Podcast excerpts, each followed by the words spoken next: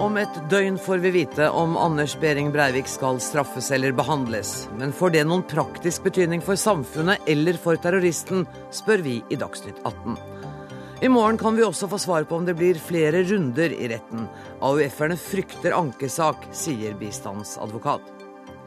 Fritt skolevalg fører til uheldig klassedeling, med de hvite, flinke jentene på én skole og med innvandrergutta på en annen, sier SVs Snorre Valen. Bare vindkraft kan redde verden, mener Framtiden i våre hender. Ren svindel, mener Kurt Oddekalv.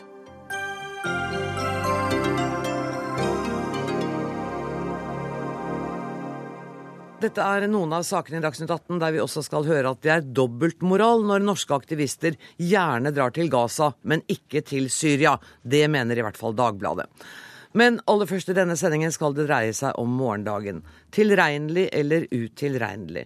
Klokka ti i morgen starter dommer Wenche Arntzen opplesningen av dommen i rettssaken mot Anders Behring Breivik.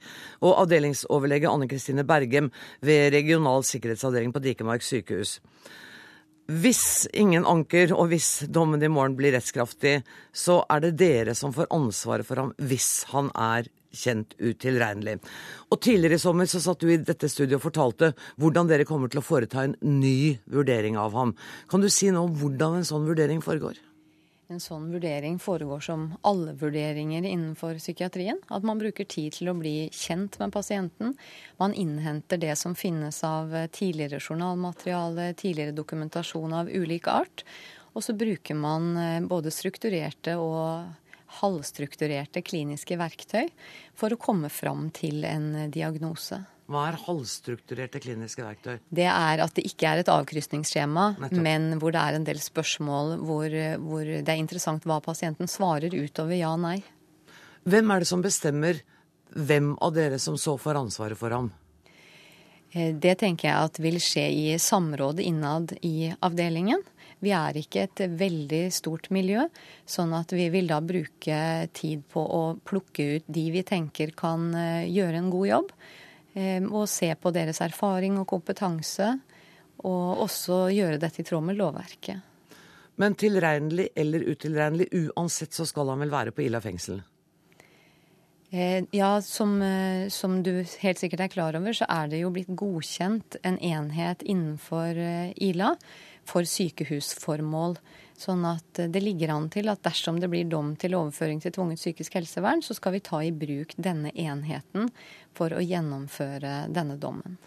Men er det da slik, hvis han blir eh, dømt utilregnelig og overført til etter lov om psykisk helsevern, er det da sånn at dere også er de som er ansvarlige for rammene rundt? Kan, er det behandlerne som bestemmer han skal, om han skal møte andre mennesker, hvilke sosiale aktiviteter han skal delta i?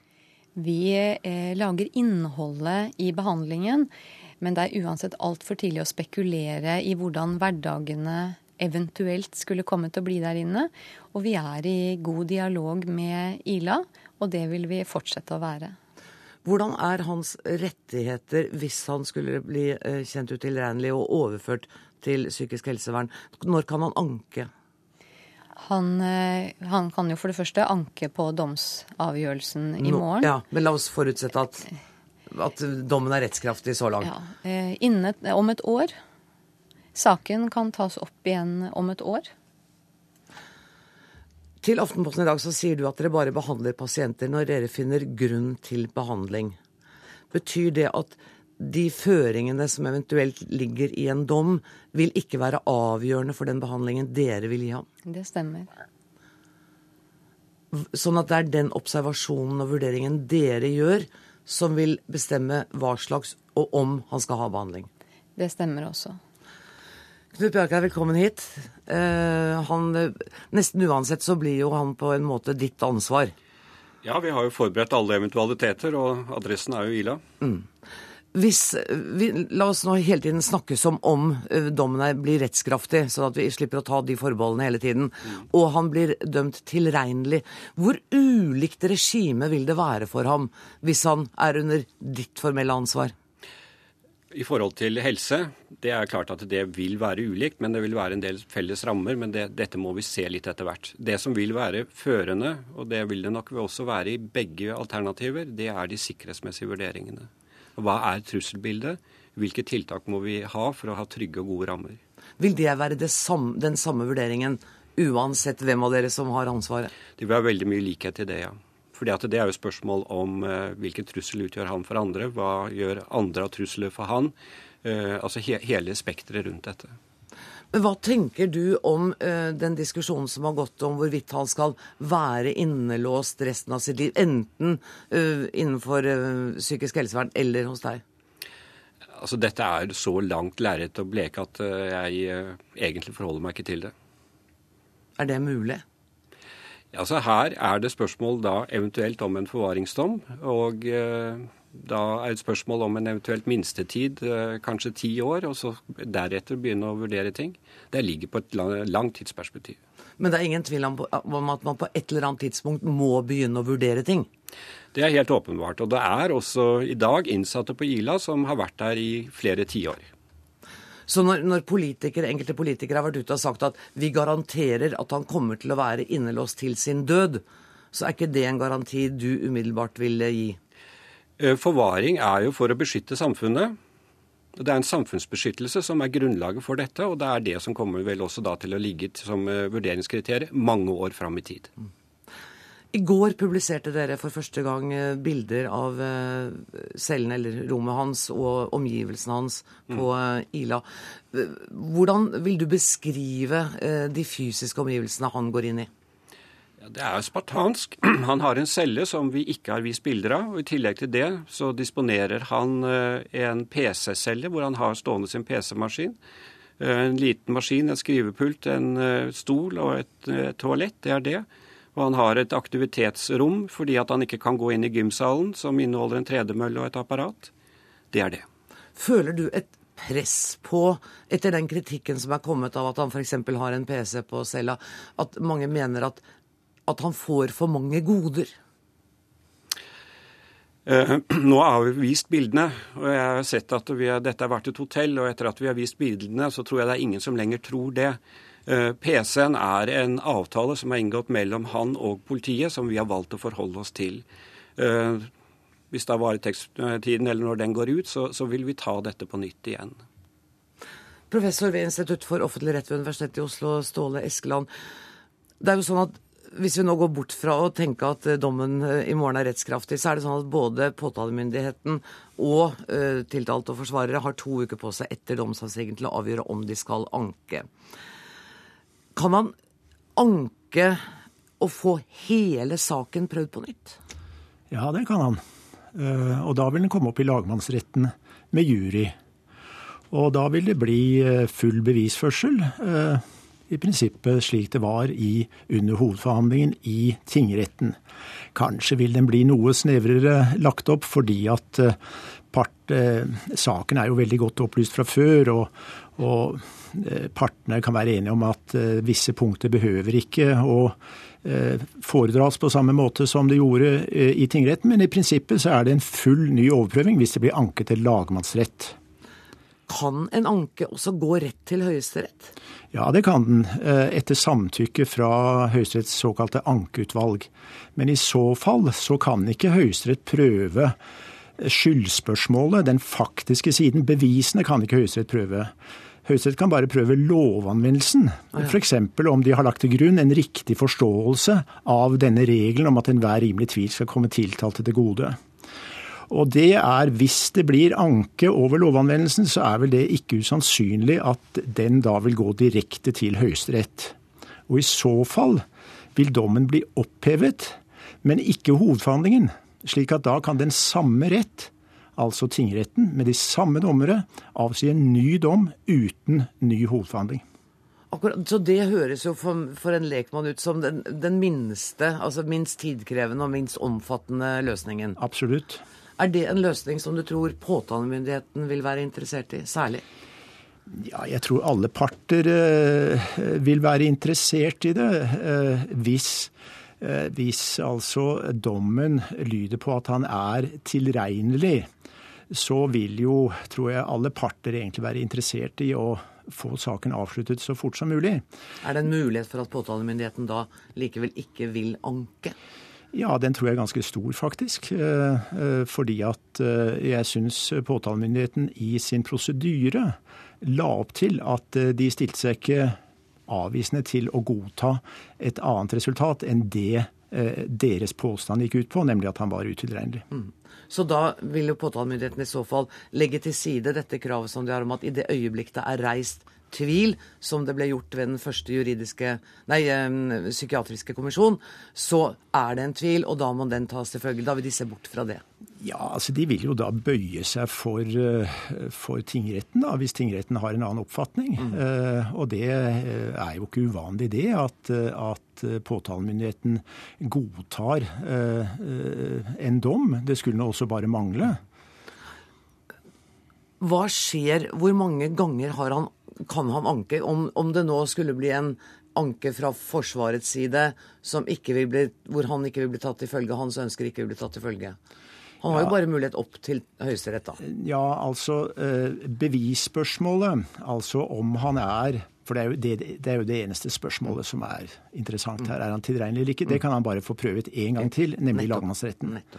Så kan den dommen ankes videre til Høyesterett, men da bare spørsmålet om de har anvendt loven riktig. Eventuelt også saksbehandlingsfeil kan ankes, men det er upraktisk her, tror jeg. Hva slags tidsperspektiv ser vi på La oss nå forutsette at det blir en ankebehandling i den ene eller annen form. Hvis det blir en full ankebehandling for lagmannsretten, så må man regne med et ganske langt eh, tidsperspektiv. Hvis det blir eh, anke direkte til Høyesterett, så tror jeg det kan gå ja, Da bør det gå ganske fort. Hva betyr ganske fort i juridisk ja, sammenheng? Det er jo vanskelig å si. Altså, dette skal jo tilpasses Høyesteretts eh, Eh, dagsorden for øvrig, og partene skal uttale seg og sånn og sånn. Så det er klart det vil jo gå noe tid. Men, men, eh, men jeg regner med at, eh, at, saken vil bli påskyndet. Og det har vi praksis for at Høyesterett prioriterer saker hvis de er viktige. Og det er klart at det er viktig å få denne saken avsluttet. Mm. Det høres jo da ut som mulighetene for at eh, dere skal få ham overført eh, og Bergen, til, til, dere nå i løpet av de neste 14 dagene er relativt små, for det, sannsynligheten for at en av partene anker, er kanskje stor. Ja, Vi har jo hørt eh, Lippestad uttale seg i løpet av dagen. Mm. Og han er vel den som vet mest. Og det betyr at Og dere er allerede nå godt forberedt. Hvis han skulle bli ditt ansvar i løpet av en 14-dagersperiode, så er dere klare til å ta det? Vi er forberedt. Er det sånn at det vil være viktig fra et behandlersynspunkt å få tilbakeført eh, Anders Behring Breivik til samfunnet så fort som mulig? Det syns jeg er et eh, spørsmål det er vanskelig å svare på. Fordi at vi har jo vi har jo to oppgaver når vi mottar pasienter som er overført til tvunget psykisk helsevern på dom. Det ene er behandling, det andre er samfunnsvern. For vi må huske på det at særreaksjonen overføring til tvunget psykisk helsevern kommer jo i stand pga. behovet for samfunnsvern. Mm. Hadde det bare vært behov for behandling, så hadde det jo ikke vært nødvendig med en dom. Nei. Og det er vel også det dilemmaet dere står i, at samfunnsvernet skal veie sammen med det medisinske. Det kan ikke være så lett for en behandler. Nei, og det er jo utfordringen vi har med mange av våre pasienter. Mm. At det er ikke alltid at de to interessene er sammenfallende. Vil det få noen som helst konsekvenser for utøvelsen av din jobb og for Ila fengsel, hvorvidt eh, han blir overført til tvunget psykisk helsevern eller til forvaring?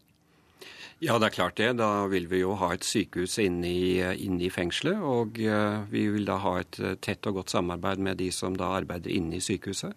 Ila vil jo da ha ansvaret for sikkerheten utenfor sykehuset. Men det er klart at det, det blir en annen, et annet skål. Så selv om eh, dommen i morgen kanskje ikke blir rettskraftig, så går vi fra at dere også eh, ser med spenning fram til å høre hva dommer Arntzen sier i morgen. Det er klart vi gjør det, men er vel forberedt på alle alternativer. Det høres betryggende ut. Tusen takk for at dere kom i studio. Anne Kristine Bergem, Knut eh, Bjarkeid og Ståle Eskeland.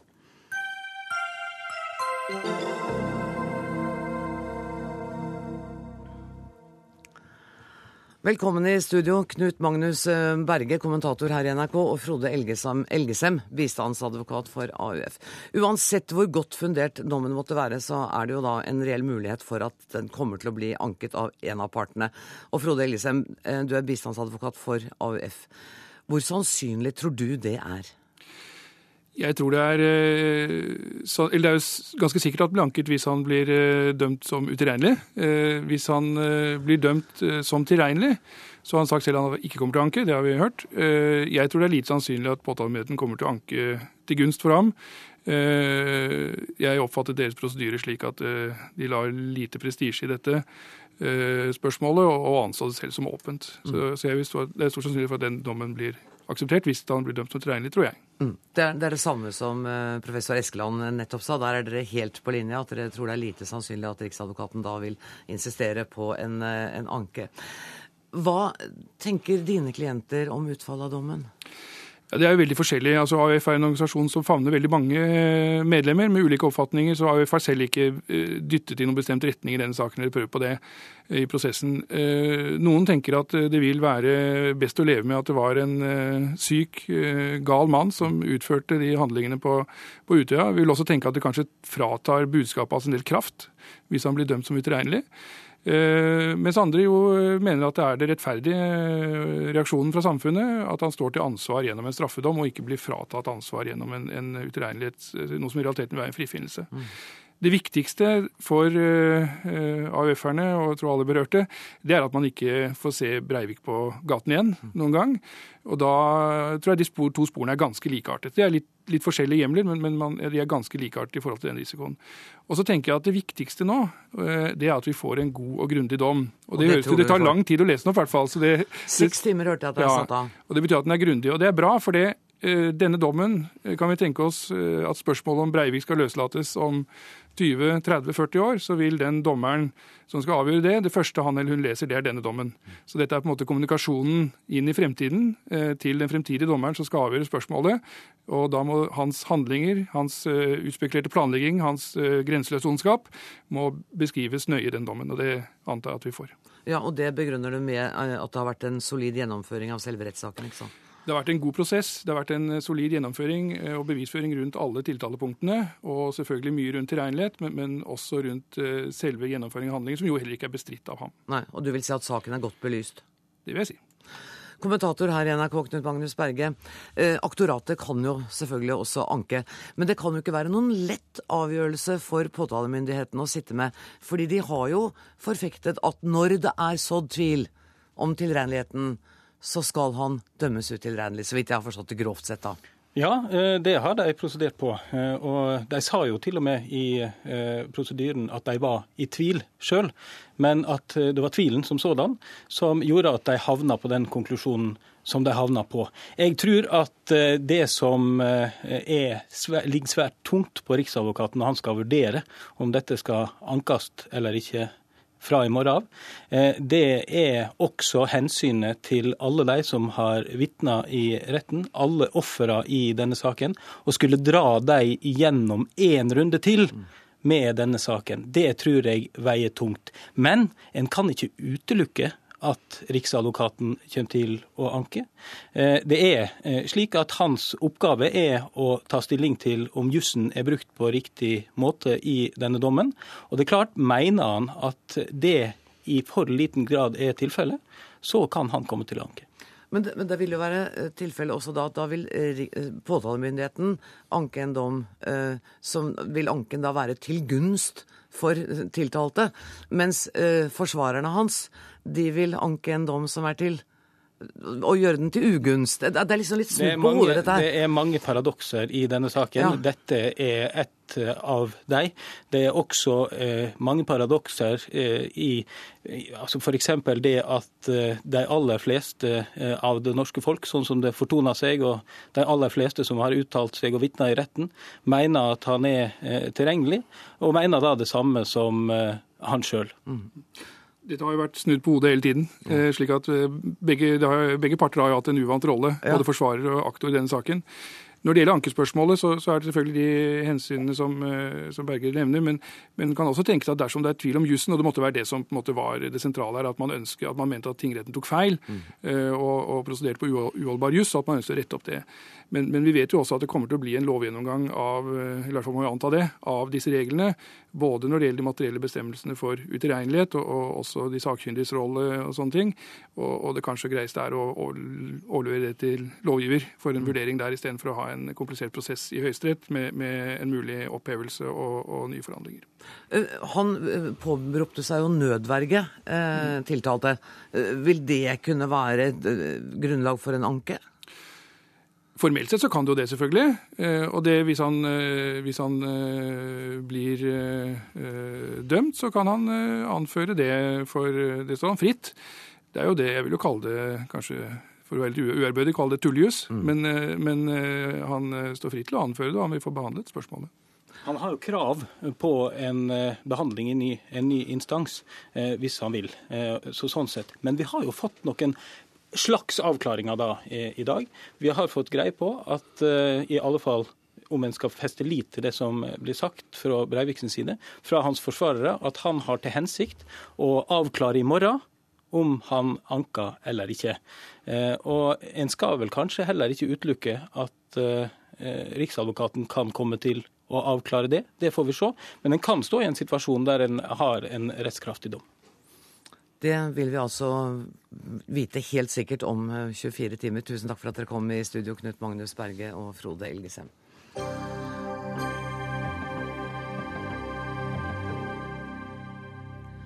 Det er streik ved sju private sykehjem i Oslo og Asker.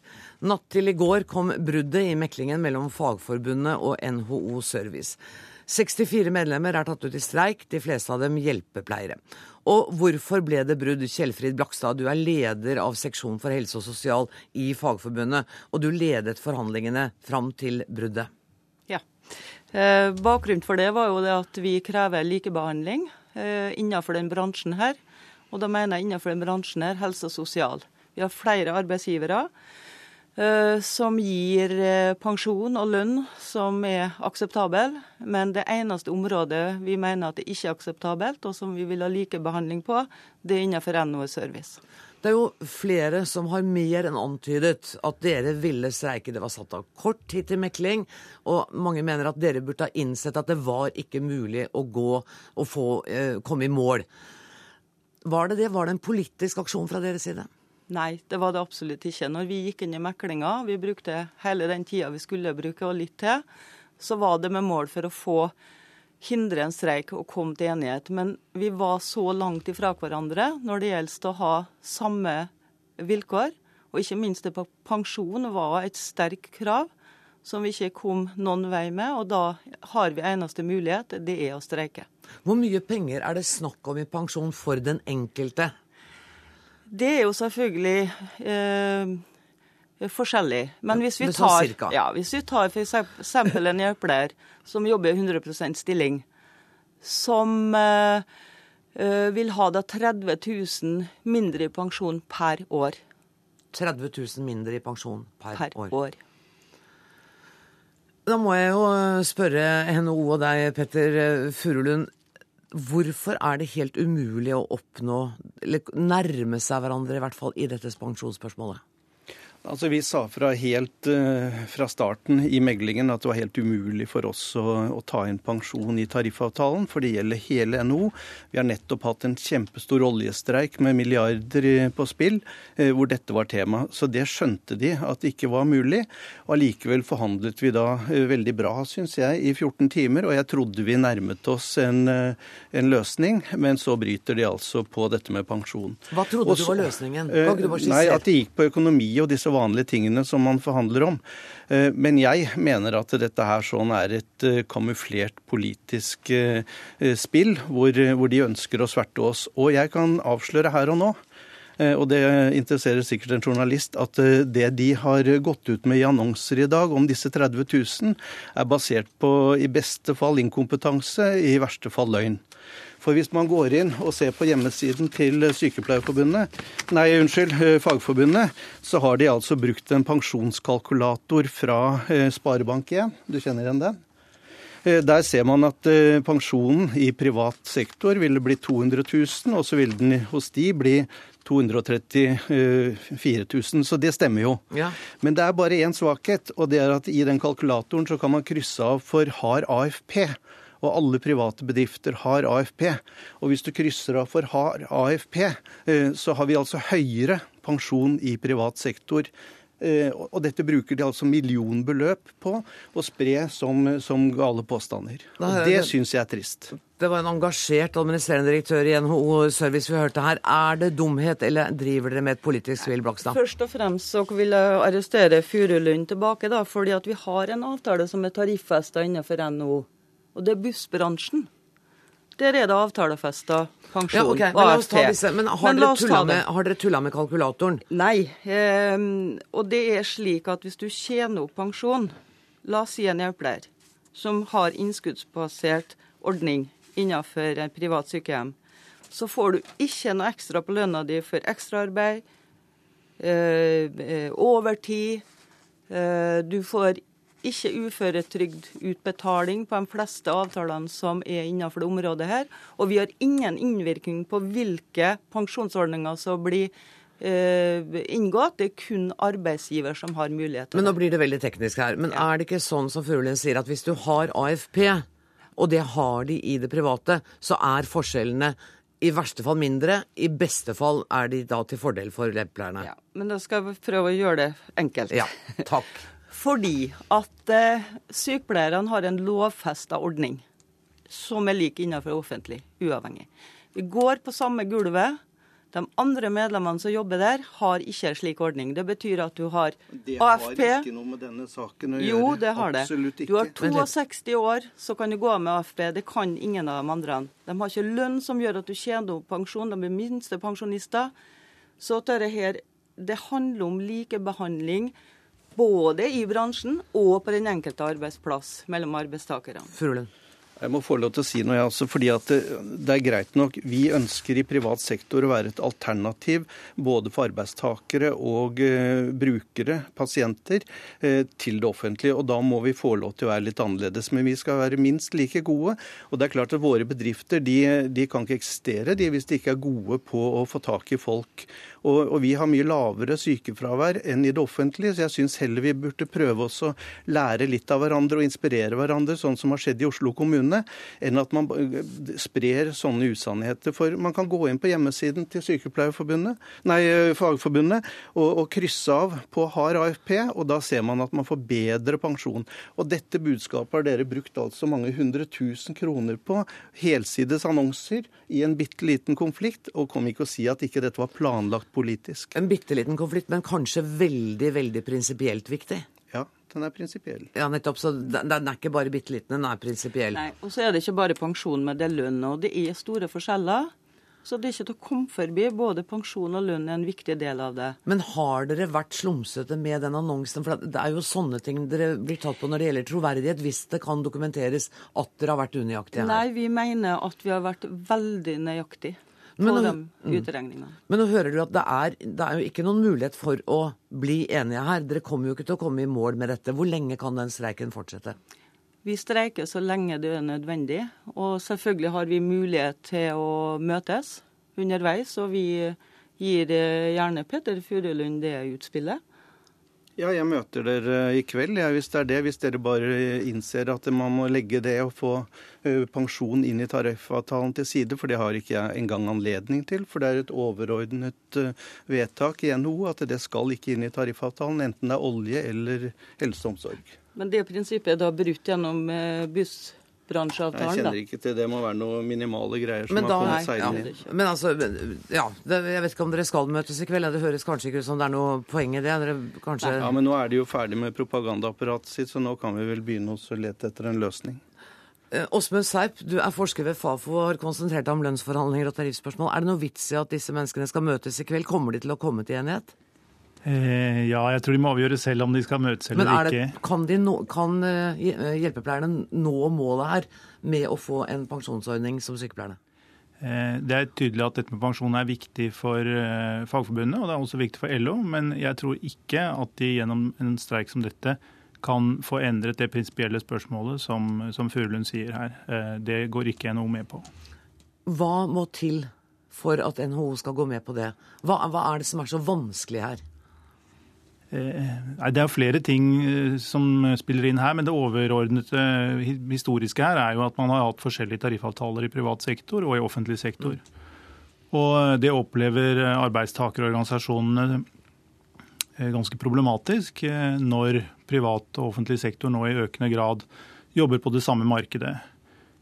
For Furulund og NHO så er det nok viktig å beholde den avtalemessige friheten som de har innenfor sitt tariffområde, og ikke på en måte la sine avtaler styre av det som skjer i offentlig sektor, mens Fagforbundet er veldig opptatt av at det skal være like betingelser. Og også dette at uh, pensjon skal inn i tariffavtalene, slik det er i uh, offentlig sektor og slik det er i deler av privat sektor. Ja, for det finnes jo arbeidsgiverorganisasjoner som åpner for pensjonsforhandlinger. Ja, det er bestemmelser om pensjon i eh, Fagforbundets avtale i Virke, som er en annen arbeidsgiverorganisasjon. Så, så det er det er mulig, men det er altså kanskje ikke ønskelig fra NHOs side? Furulund? Altså Det med Virke er en egen historie, fordi at de fusjonerte med en forening som het APO, eh, som da vi kalte blåkopiorganisasjon. Altså de kopierte alt fra Fagforbundet. Og derfor så har de fått det inn. Jeg tror ikke de hadde ønsket å ta det inn i dag, men de har det. Nei, du tror ikke det? For det, for det, kan jo virke pussig uh, at, at ikke pensjonen kan være en del av en tariffavtale? Ja, men altså det er som sagt eh, den policyen NHO har hatt gjennom eh, tiår og så lenge de har drevet, at, eh, at hver enkelt bedrift skal bruke pensjon som en del av sin arbeidslivspolitikk, og at ikke det skal sentraldirigeres. Og Det er jo helt i tråd med vi, hva vi mener ellers også. Man skal altså gi bedriftene frihet til å være gode på å innrette seg i forhold til arbeidsmarked. Mm. Men, men jeg må jo si at det er spesielt når vi har det innenfor alle andre også i kommunesektoren, i sykehusene, i Virke, som har de ideelle organisasjonene, også i alle andre områder. Og det området her som vi kan si er forholdsvis lite, har da ingenting. Ja, men Du lister bare opp offentlige, og, ja.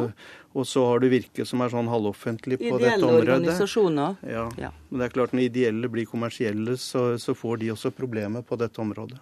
Men Seip, på lang sikt, eh, ser du for deg at det kommer til å være en tilnærming i, i måten å tenke pensjon på i det private og offentlige? Ja, Det er jo et politisk spørsmål hvordan man bygger opp pensjonssystemene. og det er vel noen av de problemene man nå sliter med litt når man skal innføre ny pensjonslovgivning. At, eh, at det har vært forskjeller, og mm. at det viser seg vanskelig å eh, homogenisere eller gjøre like disse pensjonssystemene i offentlig og privat sektor. Og I hvert fall kommer vi ikke noe nærmere løsningen her, men jeg kan bare ønske Kjellfrid Blakstad og Petter Furulund lykke til med møtet, som jeg skjønner kommer til å eh, finne sted ganske snart. Og takk også til forsker Åsmund Seip.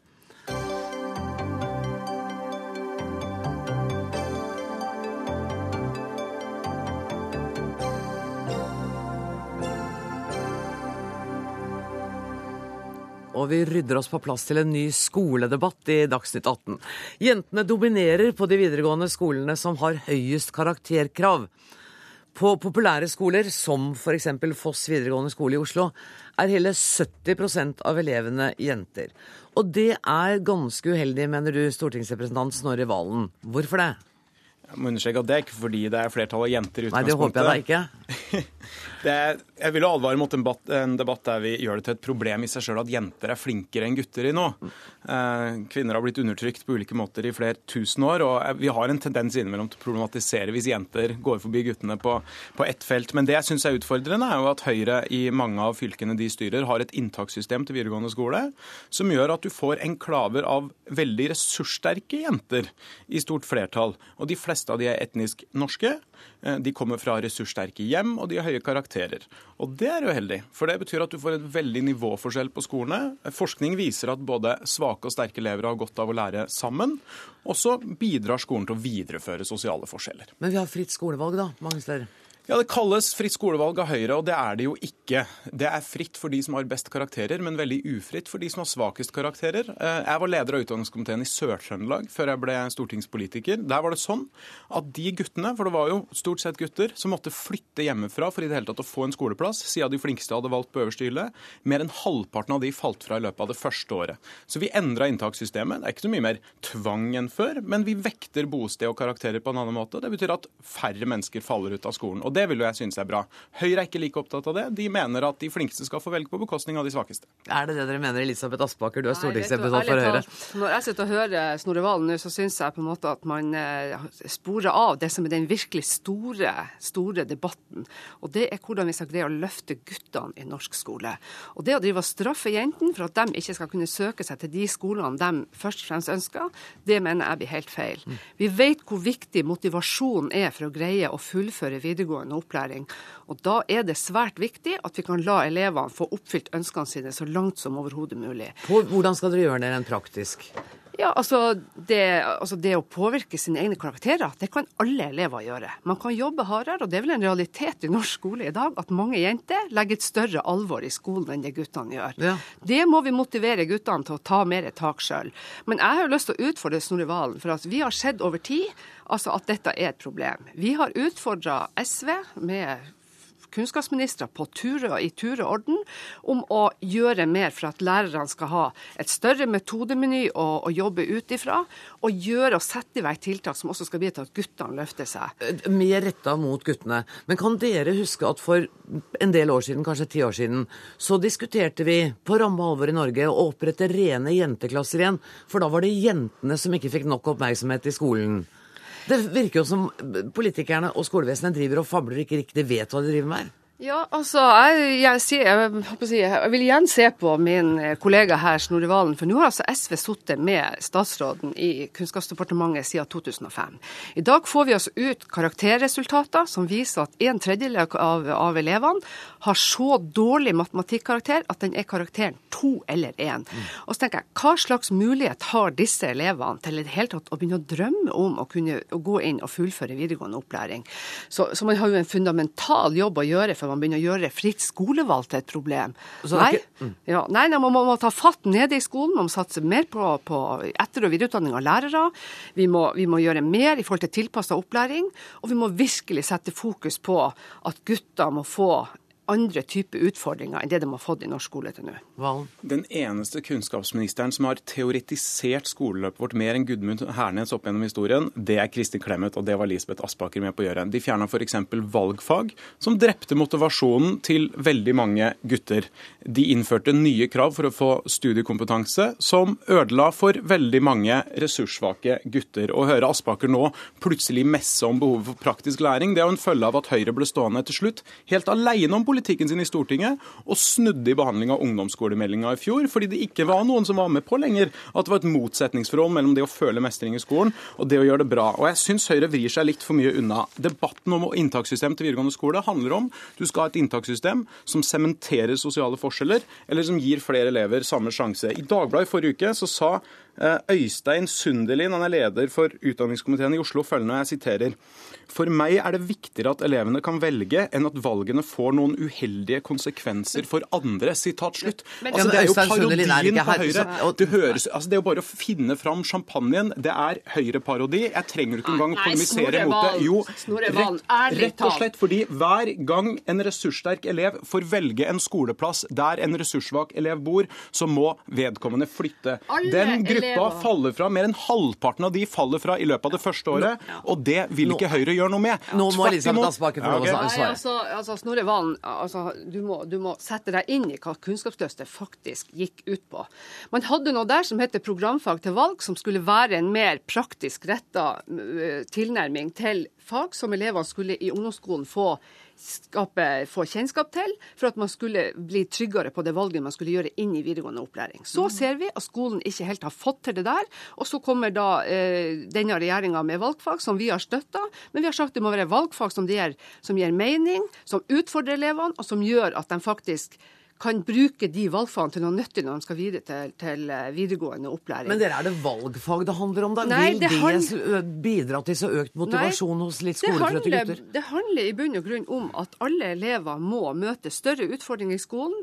Lærerne må bli flinkere, så det er lærerne vi må satse på i første omgang.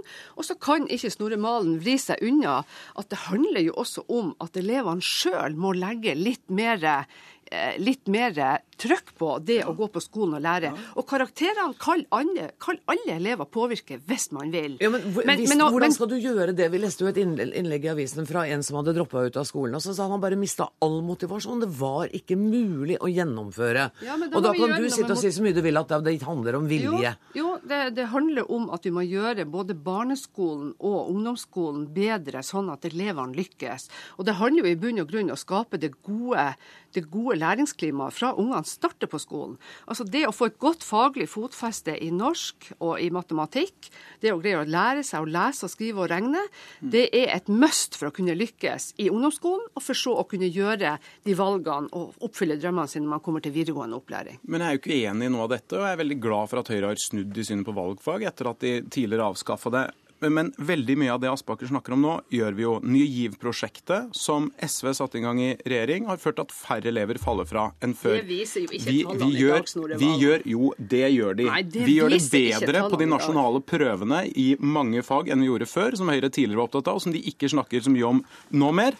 Og vi er tilbake altså Det grunnleggende for motivasjon er ikke nødvendigvis de tingene Aspaker snakker om, men om de i det hele tatt har en skoleplass. Forrige gang Høyre styrte Kunnskapsdepartementet, så lekte de med tanken på, de hadde programfesta, at de ville ha såkalt nasjonalt fritt skolevalg. Det betyr at de dyktigste elevene i hele landet skulle kunne velge fritt av skoler i Tror hele landet. Snorre Valen det er større sjanse for at man rekke- fullfører hvis man får- Tror Snorre Valen det er større sjanse for at man, får, at man fullfører hvis man får gå på den skolen man har lyst til å gå på, eller tror man at det, at det er SV som skal dirigere elevene til skoler de ikke har lyst til å gå på? Nettopp! Der er du ved sakens kjerne, Aspaker. For når en 16-åring må flytte mange mil til en annen kommune for i det hele tatt å få en skoleplass, og ikke engang på den stu... 300 elever i året måtte flytte fra Trondheim for i det hele tatt å få en videregående skoleplass før jeg var med og tok over i Sør-Trøndelag. Det gjorde vi noe med. Du kan gjerne late som om det ikke fins en verden utafor Oslo, men for andre partier gjør det det. Og med deres politikk, hvis dere hadde gjennomført deres politikk, så hadde tusenvis av elever i hele landet måttet hva? flytte mange mil for i det hele tatt å få en skoleplass. Og det er ikke overraskende fra et parti som i sin tid stemte mot retten til videregående opplæring i utgangspunktet. Ja, men sånn er det faktisk i hele Norge. at Det er ikke nødvendigvis balanse mellom hvor mange elever du har i en kommune og hvor mange skoleplasser du har her. Så fra mitt hjemfylke Troms er det heller ikke noe ukjent sak at elever kanskje må gå i en annen kommune og bo, flytte hjemmefra for å gå i videregående opplæring. Og der fikk Elisabeth Aspaker siste ordet. Det er helt sikkert ikke siste gang vi møtes. Tusen takk for at dere kom, Elisabeth Aspaker fra Høyre og Snorre Valen.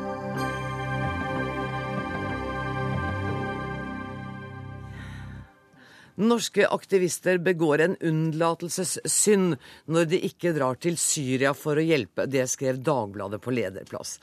Avisa konstaterer at det ikke er humanitære, men politiske motiv som driver organisasjoner som Ship to Gaza og Leger uten grenser. John Arne Markussen, hva var det dere ville med denne lederen?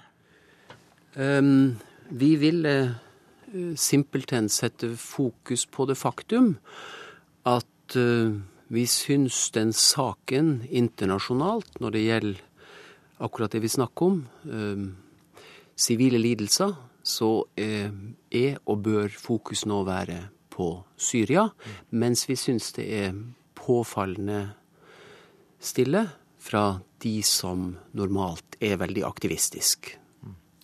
Og kanskje må vi i media også ta litt selvkritikk i forhold til at vi kanskje ikke heller har dekket konflikten i Syria særlig ut fra et humanitært perspektiv. Nei, altså det skal sies. Og vi hadde jo også i den eh, angjeldende lederartikkel en setning om at eh, vi i media har en tendens til eh, å skrive mer om krig enn om ofre.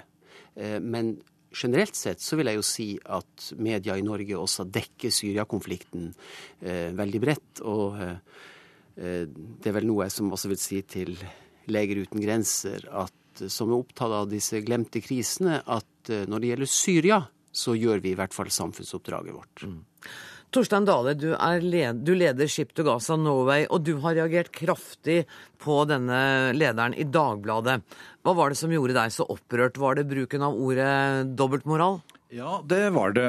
Og jeg syns det er eh, nokså selsomt av Dagbladets redaktør eh, å rette skytset mot dem som engasjerer seg i internasjonal solidaritet, når han helt riktig påpeker at det burde vært større engasjement overfor Syria. Mm. Eh, og jeg er helt sikker på at mange av medlemmene i Ship to Gaza eh, er fortvilt over det som skjer i Syria, og det kan godt være at folk også har engasjert seg i, i ting som vedrører Syria. Eh, men poenget er at vi driver en organisasjon som heter Ship to Gaza, og vi er laget for å løfte fram i lyset fortielsen av at Israels blokade rammer liv og helse til nesten 900 000 barn i Gaza. Og vi kan ikke la barna i Gaza i stikken fordi at det skjer en konflikt et annet sted som eh, en stund rammer enda hardere. Så jeg mener dette er en eh, I virkeligheten så, så er dette Israels argumentasjon. Og, og, det er fordi at altså Siden kritikken rettes, vår kritikk rettes mot Israel, så er den liksom suspekt og dobbeltmoralistisk. Og jeg syns det er helt utilbørlig. Jon Arne Markussen, det må du få svare på. Ja, nei, altså, um, Jeg er jo veldig overraska over at Dale er så foruretta på dette punkt. Altså, vi bare konstaterer at um, det er påfallende uh, at mange er mer opptatt av Israels overgrep mot araberne, lang historisk konflikt, ja, enn man er om de interne arabiske overgrep. Ja, Hvordan vet du det? Altså, det, er jo, eh, det, er jo, ikke riktig at Gazas og folks skjebne i Gaza stadig er eh, i medienes søkelys, og at folk stadig er engasjert i det. Tvert imot er det rammet av fortielse. Dette er jo det rene skjære eh, tøvprat. Altså, jeg har vært i Dagbladet siden slutten av 70-tallet. Og hvis det er én sak, én konflikt, internasjonalt som er dekka hos oss og i norske medier gjennom flere tiår og av generasjoner av journalister og kommentatorer, så er det konflikten mellom Israel og palestinere. Nå snakker vi ikke om den journalistiske dekningen av at det er konflikt, men vi snakker om at eh, Israels blokade får dramatiske konsekvenser for liv og helse for barn i Gaza. Eh, det internasjonale Redd Barna eh, kom 14.6 med en rapport hvor de konstaterer at blokaden setter barns liv i fare og får svært negative konsekvenser for barns helse. Dette har vi et engasjement for. Og mange av oss har engasjement i en rekke andre saker rundt omkring i verden også. Men uh, dette står det uh, nesten ingenting om i norske medier. Og de politiske myndigheter i Europa de gjør ingenting i praksis for at denne blokaden skal bli hevet. Vi har ikke norske myndigheter representert her i dag, så jeg går til Kyrre Lind, som er styreleder i Leger uten grenser. Dere er også nevnt i denne lederen i Dagbladet for kritikk. Fordi at dere snakker om og roper om mer støtte til glemte konflikter i Afrika. Har dere også glemt Syria? Jeg er klar over at det finnes, at Leger uten grenser har et, eh, et sykehus som behandler syrere, men allikevel. Har dere litt glemt Syria? Nei, overhodet ikke. For det første så vil jeg bare si at jeg kjenner meg ikke igjen i denne kronikken her i det hele tatt. Jeg, jeg, jeg skjønner ikke hvorfor Leger uten grenser er nevnt her. Eh, for det første så er vi i Syria. Vi har vært i Syria i, i et par måneder. Eh, vi jobber intenst med å komme inn i Syria og opprette flere prosjekter. Det er noe vi ønsker. Vi vil nå ut til alle de som trenger medisinsk hjelp i Syria. Eh, for det andre så jeg lurer jo nesten litt på om eh, vi blir forvekslet med Mats Gilbert her. Altså Leger uten grenser er ikke Mats Gilbert, han jobber ikke for oss. Men jeg, jeg, når jeg leser denne kronikken, så kan det være en naturlig misforståelse. Har du misforstått, Markussen? Har du trodd at Mats Gilbert var en del av Leger uten grenser?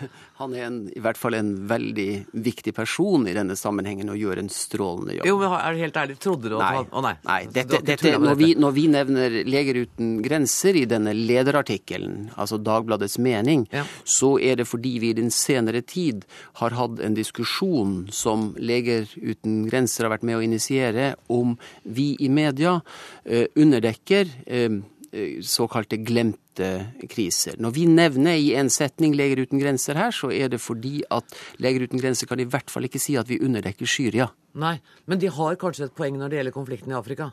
Ja, absolutt. Absolutt. Og det er flere av de tingene de påpeker når det gjelder problemer rundt omkring i verden, hvor det helt klart er underdekning, og hvor vi ikke gjør en god nok jobb. Men problemet er jo at det er for lite engasjement i å stille opp for folk som uh, blir utsatt for undertrykking, forfølgelse og lidelse rundt omkring i verden. Og da er det veldig merkelig at man skal rette seg mot dem som faktisk har et engasjement, og si at siden dere ikke engasjerer dere der hvor det i øyeblikket er verst, så, så syns vi dette er veldig dobbeltmoralistisk. Eh, jeg syns det hadde vært veldig flott hvis redaktør Markussen startet Skip to Syria. Og vi stiller gjerne våre erfaringer til disposisjon, og det er veldig bra. Men altså, vi har i flere år holdt på med Skip to Gaza, og dessverre så er det sånn at situasjonen i Gaza er fortvilet. og Derfor så trengs vårt engasjement mer enn noen gang. Det kunne også være interessant. Du fikk jo komme til orde hos oss i et lengre innlegg. Eh, og eh, Dale, det kunne jo, det var, Syria var ikke nevnt i den artikkelen du skrev. Det kunne være interessant også å høre hva du synes om situasjonen i Syria for, og de sivile lidelsene der. For Syria. det er den mest uh, aktuelle saken. Torstein Dale, jeg tror at det må du skrive om i Dagbladet, for nå må jeg slippe til Kyrre Lind igjen. Ja, jeg, vil, jeg, jeg bare syns det er veldig fint at glemte kriser ble nevnt. Og jeg syns det er veldig fint at vi også diskuterer medias rolle. For det, det mener jeg er kjerne, kjernepunktet her. Media har en utrolig viktig rolle i å sette, sette dagsorden. Fordi med dagsorden så følger både eh, penger, eh, politisk makt, løsninger. Alt det følger. Og da vil jeg jo bare slenge tilbake en utfordring til Markussen. Eh, siden han er så veldig opptatt av medias rolle i dette her. Og da jeg vil bare peke på Dagbladet i dag, hvor Blåbær og Kon-Tiki er hovedoppslagene. Og du oppfordrer Markussen til å følge opp det og sette fokus på glemte kriser. Hva ville du skulle vært eh, hovedoppslag i dag, da? Jeg uh, kunne godt tenke meg et hovedoppslag om Den sentralafrikanske republikk. Det er en enorm krise med 300 000 mennesker som lider i den aller, aller verste nød, som ikke vi kan fatte. Men det nevnes aldri, og det kommer heller ingen bistandspenger dit. Utfordringen er hermed sendt og mottatt av Dagbladet. Tusen takk til Torstein Dale, Jon Erne Markussen og Kyrre Lind. Hør Dagsnytt 18 når du vil, på nettradio eller som podkast.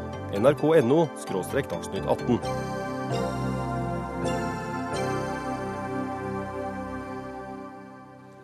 Fornybar energi er ikke svaret på klimautfordringene. Det skrev leder av Norges miljøvernforbund, Kurt Oddekalv, i en kronikk i VG for noen uker siden. Han mener det er en stor svindel at miljøbevegelsen hevder energi er blitt så grønn. Og Kurt Oddekalv, dette må du forklare meg. Hva er det som er galt med å satse på fornybar energi? Det med energi så det med maten, at jo lokalt produsert og lokalt brukt er det mest miljøvennlig. Når vi produserer energi i Sogn og sender den til Paris, så taper vi en tredjedel av energien. Samtidig er det sånn at hvert land av energi driver opp spiralen med forbruk og alt det som skjer i verden. Sånn at hvert land må ordne sin energi. Og så får vi selge overskuddet. Jeg mener at Norge bør ta vare på den energi vi har. Vi har undertegnet fornybarhetsdirektivet, hvilket var en kjempefeil. Fordi at vi er verdens mest fornybare energi på vannkraft. Så må vi jobbe for å løse de andre løsningene via transportnæringen, som er det store problemet med bil og sånn som det. Vi klarer ikke å løse det ved å bygge ut med vannkraft og vindkraft. Det er 700 søknader nå på vann. Og det er over 100, det er 116 søknader på, på vind i Norge. Og dette skal bygges i hele landet. Vi trenger ikke det i Norge. Vi, vi tar masse CO2 med å kutte ned skogen. For hvert tonn skog vi hogger, så binder det ett tonn CO2. Og disse kraftgatene på kryss og tvers, det gjør at energien blir på en måte brukt på Man bruker mer energi enn det man får igjen for å lage et såkalt klimariktig prosjekt. Men, men tenker du at liksom, vi i Norge må sørge for at vi har energi nok til Norge? Nå, det har vi gjort for lenge siden, så Norge trenger ikke å bygge ut mer energi. Og du kan si at Det der tøvet om at vi skal være grønt batteri for Europa, så visse folk med krøller og andre folk har gått rundt og, og, og, og i media, er helt latterlig. fordi at total energiproduksjon i Norge tilsvarer 3,6% av energiforbruket i Europa. Hvert land må sette seg mål med å få ned energimålet sitt, istedenfor et stadig økende forbruk. I dag selger vi grønn strøm ut av Norge, kjøper kull og atomkraft tilbake. Hva synes du er miljøvennlig med det? Det er bare tøv, hele greiene. En stor svindel, rett og slett. Veldig mange argumenter. Marit Kristine Vea, du er rådgiver i Fremtiden i våre hender. Det er, vel, det er vel noen poenger eh, han har her, fordi at det går mye energi med til å hogge eh, skog og til å ødelegge landskapet sånn som det er, for å eh, få ut energi? Det er helt sant at det er noen, miljø, noen miljøkonsekvenser knytta til å bygge ut ny energi. Men det er veldig mye større gevinst. Og nå sausa du jo sammen veldig mye forskjellig her, men hovedproblemet vi står overfor i dag, er den enorme klimautfordringen. Og dersom vi skal klare å løse den, så må vi kutte i fossile, eh, den fossile energien nesten helt ned til null. Det betyr at det nytter ikke å komme her og si at vi har mer enn nok energi. Det er helt sånn, det er helt sånn feil, merkelig argument å komme med. Vi må ha mye mer. Men når det er sagt, så er det selvfølgelig ikke sånn at det holder å pøse på og bygge ut og bygge ut. Vi må samtidig ha tiltak som gjør at vi erstatter den fossile energien som vi baserer oss på i dag. Og det er heller ikke sant at Norge utelukkende bruker eh, fornybar energi. Vi bruker det stort sett eh, til hus... Ja, sånn, Eh, hjem og sånn, men vi har også en stor, en stor utfordring på norsk sokkel. Våre eh, oljeinstallasjoner står og brenner opp gass til enhver tid. Og vi har to eh, gasskraftverk som også slipper ut veldig mye, i tillegg til transportsektoren som du er inne på. Og alle disse her trenger ny fornybar energi for å ikke slippe ut eh, klimagassutslipp. Skal, skal jeg fortelle en liten sak? Nå jobbes det voldsomt fra den såkalte miljøbevegelsen for å elektrifisere sokkelen. Der har vi gasskraftverk som har en effekt på ca. 22% Så skal vi erstatte dette hvis man får et gasskraftverk i Europa som produserer med 36% effekt, og kanskje 55 hvis man har knyttet til vannet. Samtidig så skal man da ha et fritt eh, energimarked, sånn at man skal da selge den norske eh, miljøkraften ut av landet. Og så skal man kjøpe kull og, og og, og atomkraft tilbake. Og, og så man, hva man gjort for noe? Man har rett og slett byttet gode penger med dårlige Nei. penger. Og det er hele, det er realismen i dette. Må gjerne snakke Nei, sånn så mye dere vil om at dere skal redde ungene i Afrika med å bygge vindkraft i Norge, men det er bare pølsevev. Produksjon, vent litt, Produksjonen i 2011 på norsk vindkraft var 23% av året produserte de. I 2010, nei 2011 så produserte de 30 prosent. Det, det, er bare lurer i hele dritten. Og det, det blir veldig mange detaljer. Nå ja, vil jeg, jeg komme til, ja. Ja, for det første syns jeg du representerer et litt sånn usolidarisk syn. fordi nå står Europa midt i en krise. De har verken finanser eller annen kapasitet til å sitte og investere fornybart. Allikevel gjør de det. Hva gjør vi i Norge? Vi pumper opp olje og gass, eksporterer det isteden. Jeg tror jeg du er enig i det, da? Nei, det er du kanskje ikke, men da er det noe vi er enige om. Men da syns jeg det, ligger, det er et, et godt uh, poeng i at vi eksporterer til Europa. De, de, har lyst på det. Tyskland etterspør norsk, norsk ren energi. Og istedenfor at vi pumper opp gass og eksporterer det, syns jeg vi skal eksportere ren vannkraft. Det er veldig mye bedre, både for oss og klima og Europa, ikke minst. Men du, kjære vene, når vi, når vi eksporterer, har du hørt om ledningstap? Vi taper 20% av energien vi produserer i Norge. Da er det bedre å bruke norske penger og bygge energiverk i de landene som trenger det. Ikke det å bygge ut norsk natur og sende, sende strømmen ut av landet, for så å kjøpe tilbake igjen kullkraft. Men sånn som du også var inne på, Kurt, så har vi 700 søknader som ligger i bunken eh, hos Direktoratet for vannforvaltning, eller hva det er. 700, NV, 700 søknader. Tror du ikke det fins noen søknader i den bunken som er gode prosjekter, hvor du ikke trenger verken å ødelegge naturen eller biologisk mangfold eller noen ting? Det, det, er jeg 100 det, sikker på. Og jeg syns vi skylder verden Nei, vi gjør ikke det. Vi gjør ikke, nei, vi gjør ikke det, for det hjelper ikke. Vi bare forbruker mer og mer. Det går ikke. Det er ikke ett vannkraftprosjekt i Norge eller vindkraftprosjekt i Norge som har ført til at det har lagt ned en eneste kullkraftverk eller stoppet en ene Nei, og det kommer heller ikke. Jeg også er med i dette her, og da lurer jeg bare på hva, hva tenker du er løsningen, hvis det går an å si det ganske enkelt? Veldig enkelt så er vi tre milliarder for mange mennesker på jorden. Verdens største miljøproblem er for mange mennesker. Det må vi begynne å diskutere diskutere i hvert land for å finne et bærekraftstall for hvert, hvert land. Vi er ikke bærekraftige i Norge engang. Vi må begynne å løse problemene lokalt fordi vi bor lokalt. Vi har kommet inn i en sånn verdensomspennende Alt skal globaliseres. Men det er fremdeles naturgitte hindringer for menneskelig vekst. Hva syns du at vi i Norge skal gjøre, da? Jeg syns at vi skal begynne å sette ned fargen, farten på ferger og hurtigbåter en god del knopp, sånn at de ikke bruker dobbelt så mye energi som de gjør i dag. Vi skal skru ned farten på samfunnet vårt. Vi har det ikke så travelt. Vi kommer fort nok i pennalet, for å si det rett. Ja, men der er vi helt enige. Men jeg syns vi skylder klimautfordringen, vår største utfordring, å finne tiltak som gjør at vi løser den. Ja, og det handler om energi. Og hvor mye vil det hjelpe om vi lar fergene gå litt langsommere og bilene gå litt langsommere? Jo, jeg skal gi et lite eksempel. Ja, du har 20 sekunder. En ferge utenfor Bergen skulle bygges på gass. Den skulle, måtte gjøre 21 knop, for det krevde politikerne. Sjøfolkene ville at skulle gå i 17. De måtte ha dobbelt sett med motorer. Han har mer enn dobbelt så stort forbruk med 21 knop så han har ved 17 knop. Det er bare et bitte, bitte lite bilde, og sånn er det tusenvis ut av. De der må vi få knekt. Ja, Det beste jeg fikk ut av dette, var at du syns eh, vi går for fort og samfunnet har bedre tid. Vi kan ta det mer med ro. Det tror jeg Mari Kristine Vea også er enig i. Tusen takk for at uh, dere var med, både Kurt Oddekalv og Mari Kristine Vea. Dagsnytt 18 er slutt for i dag. Ansvarlig for sendinga har vært Aksel Wilhelm Due. Det tekniske ansvaret har til Hilde Tosterud. Jeg heter Anne Grosvold, og vi høres igjen om 23 timer på denne kanalen. Takk for nå.